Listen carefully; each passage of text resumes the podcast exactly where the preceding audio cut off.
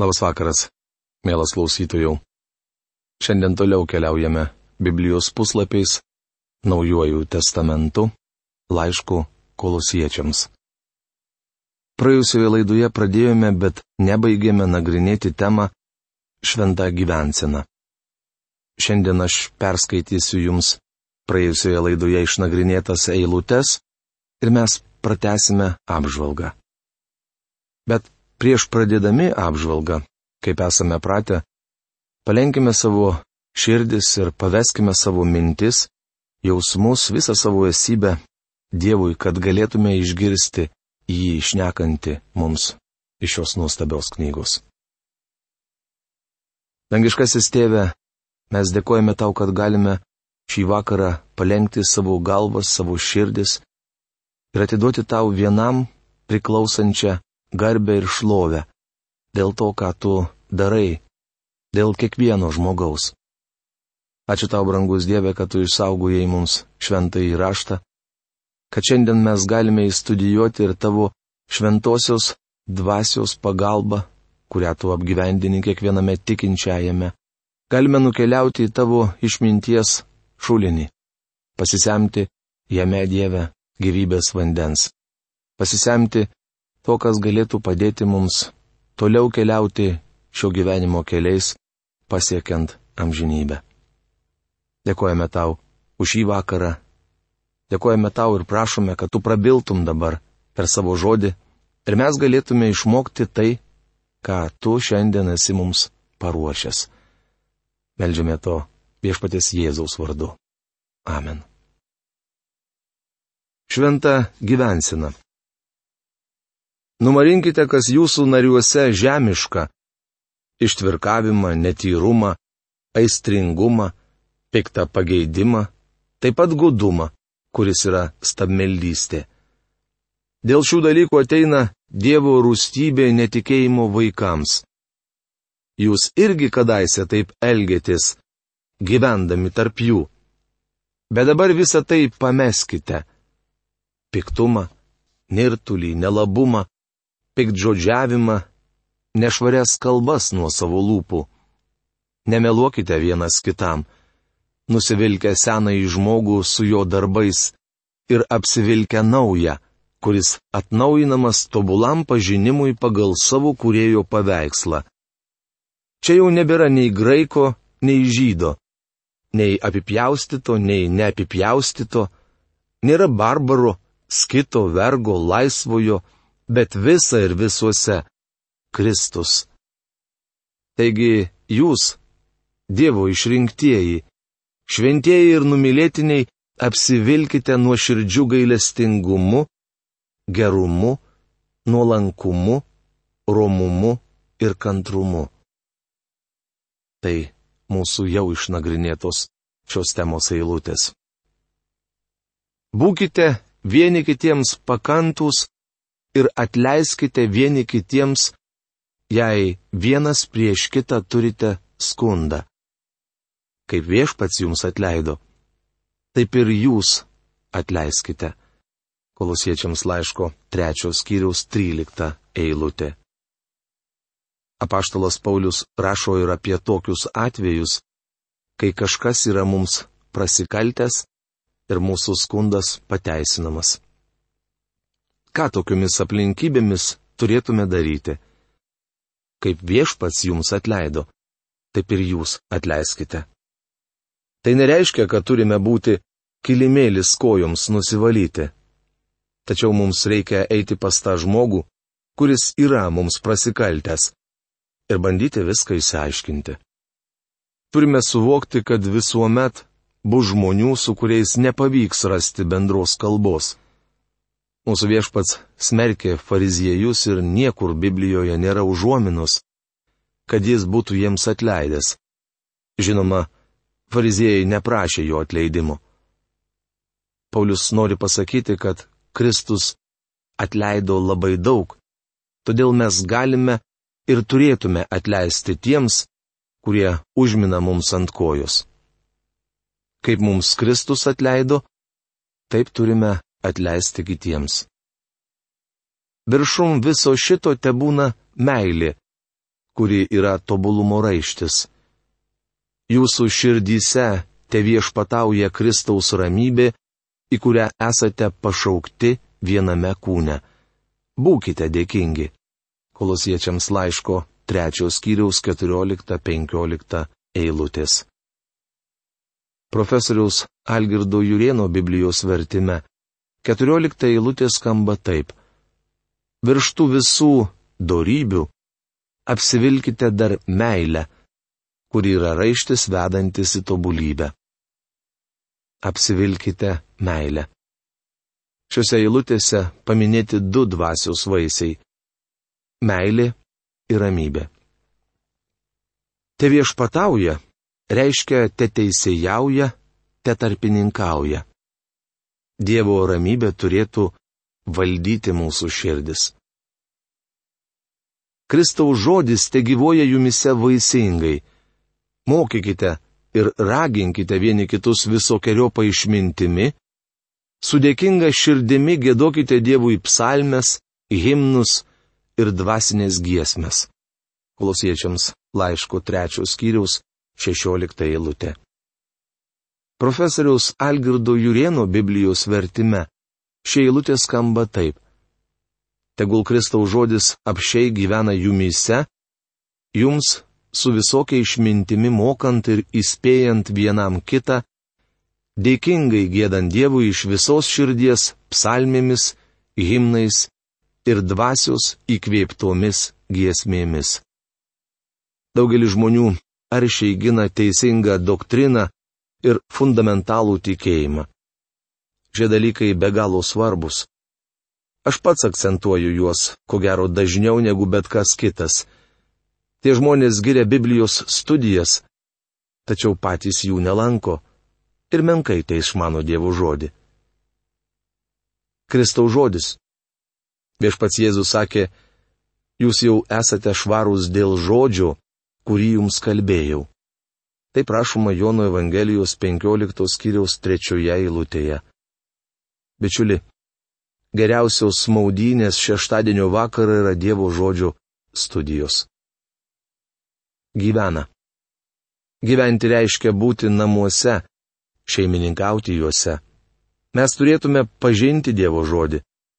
Šiandien Biblija daugeliu žmonių yra nežinoma knyga, tačiau mes turėtume ją gerai išmanyti. Jūsų širdyse te viešpatauja Kristaus ramybė. Te būna įteisėja. O tuomet tegul Kristaus žodis apšiai gyvena jumyse. Te būna jis namuose. Pažinkite Kristų. Išmanykite Kristaus žodį. Studijuokite jį ir žinokite, ką viešpats Jėzus jums sako. Bičiuli, šiandien jis prabyla į mus per savo žodį mokant ir įspėjant vienam kitą. Kaip? Psalmėmis, himnais ir dvasios įkvėptomis giesmėmis. Dėkingai gėdant Dievui iš viso širdies. Kadangi nemoku gėdoti, mano giesmės visuomet lieka širdyje. Svarbiausia, kad leistume Dievo žodžiui daryti mūsų gyvenimams nuostabę įtaką, apie kurią čia rašo apaštalas Paulius ir visą, ką tik darytumėte žodžiu ar darbu, visą darykite viešpatės Jėzaus vardu, per jį dėkodami Dievui tėvui. Kolosiečiams laiško trečios skyrius 17 eilutė. Jums reikia krikščioniško elgesio normos ar standarto, kuriuo galėtumėte vadovautis? Norite žinoti principą, o ne taisyklės? Apie tokį principą rašoma šioje eilutėje apaštalas Paulius nedėsto, ką mes turėtume daryti ir ko turėtume nedaryti. Jis tik rašo, visą darykite viešpatės Jėzaus vardu, per jį dėkodami Dievui tėvui. Bičiulė, ar visuomet, kur bebūtumėte ir ką bedarytumėte, galite pasakyti, darau tai viešpatės Jėzaus vardu. Jei galite tai pasakyti, eikite ir darykite. Tai nuostabus standartas, kuriuo mes galime vadovautis. Dabar Paulius prieina prie kitos temos - šventumo namuose. Atkreipkite dėmesį, jog jis kalba apie tuos pačius dalykus, kuriuos minėjo laiške Efeziečiams. Prisimenate, Efezo tikintiesiems jis sakė būti pilniems šventosios dvasios, o vėliau davė tuos pačius nurodymus. Čia, laiške kolosiečiams apaštalas rašo, Kristaus žodis te gyvoja jumyse vaisingai, o tuomet moko, kaip jie turi gyventi. Ką reiškia būti pilnam šventosios dvasios? Ogi tai, kad turite būti pilnas ir Kristaus žodžio. Dievo žodis yra įkvėptas šventosios dvasios. Jei jumyse apšiai gyvena Dievo žodis, vadinasi esate pilnas Dievo dvasios. Nemanau, kad galima būti pilnam šventosios dvasios ar tarnauti Kristui, neprisipildžius jo žodžio pažinimu. Tegul Kristaus žodis apšiai gyvena jumise. Jeigu jūs esate pilnas Dievo žodžio, jis veiks jūsų gyvenime ir namuose. Jūs, žmonos, būkite klusnius vyrams, kaip dera viešpatyje. Kolosiečiams laiško trečios skyriaus 18 eilutė. Šis nurodymas duotas tam, kad namuose būtų tvarka, o ne tam, kad vyras didžiuotųsi savo padėtimi. Abejoju, ar Dievas nori, kad žmona paklustų neišgelbėtam vyrui, kuris ją muša, ar liepia daryti tai, kas nesuderinama su jos gyvenimu su viešpačiu. Gavau vienos moters laišką. Ji rašo, jog gyvena su neišgelbėtų vyru, kuris prisigeria ir ją muša. Moteris mano, kad negali su juo išsiskirti, nes yra krikščionė. Tačiau aš patariau jai palikti jį. Nemanau, kad Dievas nori matyti moterį, gyvenančią su girtuokliu vyru. Pasiduodama prievartai ir žeminimu ji praranda orumą, yra žlugdoma kaip asmenybė ir galiausiai nusiris iki jo lygio. Žmona turi paklusti vyrui, kaip dera viešpatyje. O jūs, vyrai, Mylėkite savo žmonas ir nebūkite joms šiurkštus. Kolosiečiams laiško trečios skyriaus 19 eilutė. Žmona turi nusileisti mylinčiam vyrui. Ji neturi vadovauti šeimoje, bet raginti vyrą imtis vadovo vaidmens. Regis, mes painiojame du žodžius - paklusti ir nusileisti. Vadovaudamas vestuvių ceremonijai, niekada nevartodavau žodžio paklusti. Nemanau, kad jis teisingai apibūdina žmonos vaidmenį. Jūs, vaikai, visuose dalykuose klausykite savo tėvų, nes tai patinka viešpačiui. Kolosiečiams laiško trečios skyriaus 20 eilutė. Vaikai turi klausyti savo tėvų. Jie visą gyvenimą privalo juos gerbti. Tačiau vaikui reikia aukti Nemanau, kad šioje eilutėje norima pasakyti, jog 24 metų vyras turi gyventi po mamos parneliu. Nesvarbu, ar jis vedęs ar viengungis, sulaukęs brandaus amžiaus jis turi būti pasirengęs palikti savo tėvus. Šiandien paaugliai dažnai maištauja prieš savo tėvus. Manau, Dievas yra įdėjęs į jų širdis būtinybę atsiskirti nuo tėvų. Paulių gyvenime būna nujunkimo laikotarpis, kuomet reikia išmokti gyventi savarankiškai. Esu skaitęs knygų, kuriuose jaunoms sutoktinių poroms sakoma grįžti pas savo tėvus ir jų klausyti. Manau, tai nesąmonė, bet to visiškai nebibliška. O jūs, tėvai, nerzinkite savo vaikų, kad jie nepasidarytų baukštus. Kolosiečiams laiško trečios skyriaus 21 eilutė. Tas pats paraginimas tėvams užrašytas laiško Efeziečiams šeštos skyriaus ketvirtoje eilutėje. Įdomu, kad Mozės įstatyme įsakymas klausyti tėvų buvo skirtas tik vaikams, o laiškuose Efeziečiams bei kolosiečiams kreipiamasi ir į tėvus. Ar įstatymo besilaikantys tėvai rodė vaikams gyvenimo kelią? O gal jie buvo panašus į diktatorius? Žinoma, kad ne. Patarlių knygoje rašoma, kad tėvams buvo duota atsakomybė atrasti Dievo valią jų atžalai. Kuriuo keliu eiti, mokyk dar jaunuolį. Jis nenukryps nuo jo, net kai pasens. Rašoma patarlių knygos 22 skyriaus 6 eilutėje. Vaikų nedėra erzinti arba, kaip verčia profesorius Algirdas Jurienas, pykdyti. Tačiau tai nereiškia, kad turėtume elgtis su jais taip, tarsi jie būtų tokie gležni ir trapūs kaip orchidėjos ar vokiškas porcelianas. Mano įsitikinimu kartais vaikui reikia įkrėsti proto ir per minkštą vietą. Apie tai daug rašoma patarlių knygoje. Paklausykite. Kas gailisi rykštės, tas nekenčia savo vaiko, o kas jį myli, tas pataiso rykštę. Patarlių knygos 13 skyriaus 24 eilutė. Savo vaiką griežtai pamokyk, nes tai teikia viltį, bet netraukšk jo mirties. Patarlių knygos 19 skyriaus 18 eilutė.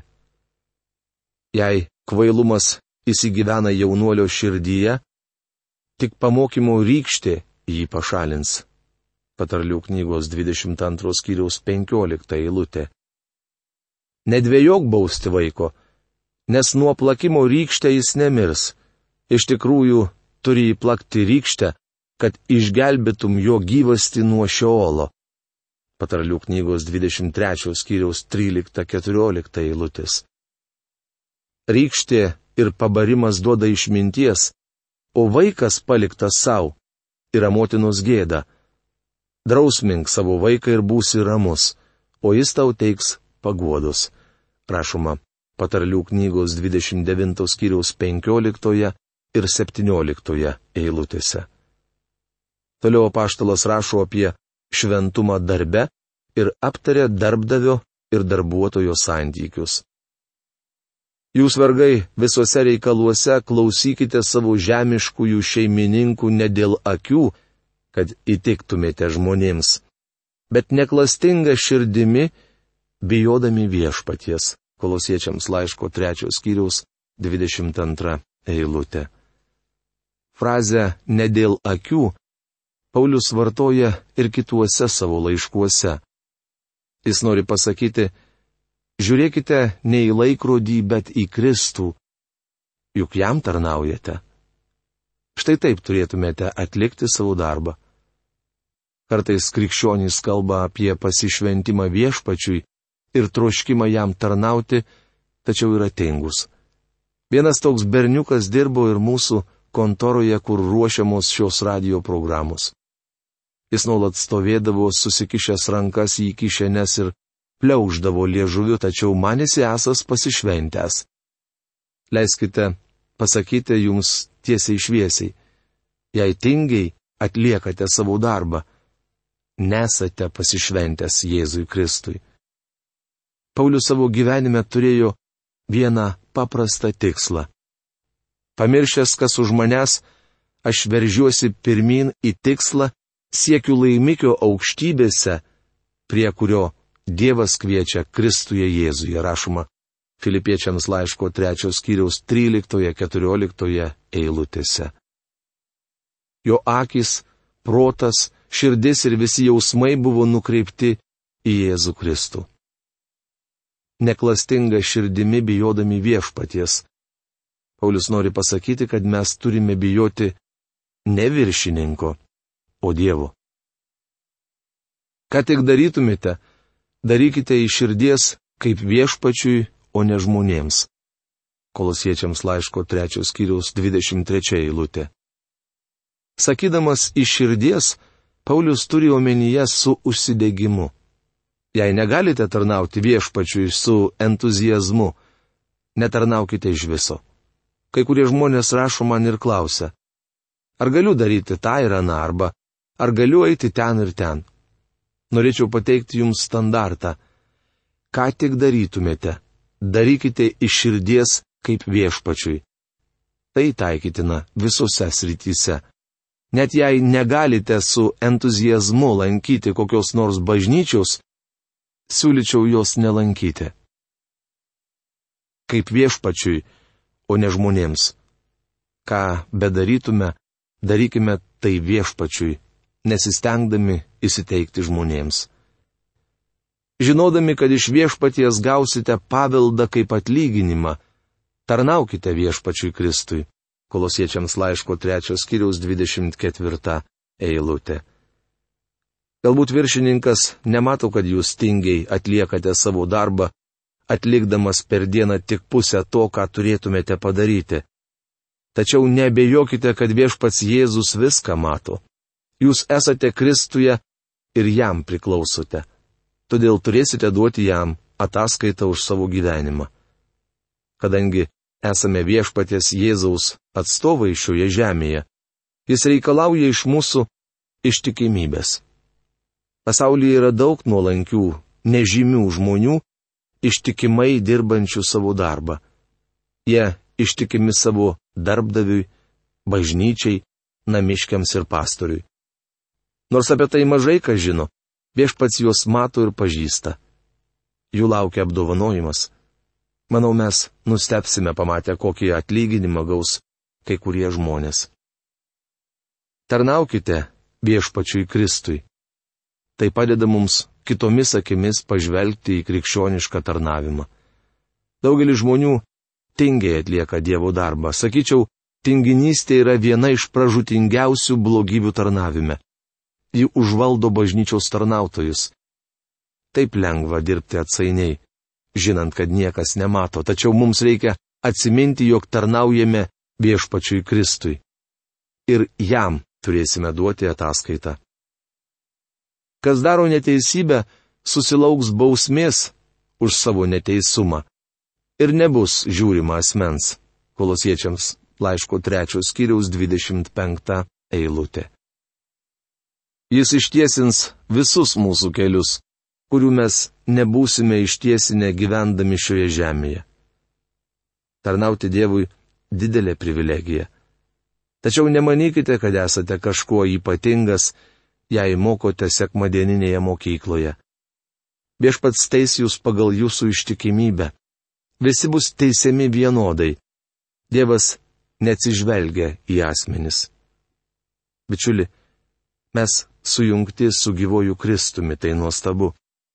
Aš savo pastangomis negaliu pasiekti tokio didingo ir švento pašaukimo, tačiau jis sako, jog man padės. Tai gali padaryti tik šventoji dvasia, atliekanti manyje savo darbą. Dievas nori, kad aš atspindėčiau jį visuose žemiškuose santykiuose. Mes pašaukti šlovingam tikslui. Ar tai jūsų neuždega? Nežiūrėkite į kūdikį Betliejuje. Eikite pas gyvą į Kristų, sėdinti Dievo dešinėje. Tokia žinia šiai dienai. Iki greito pasimatymo. Sudė.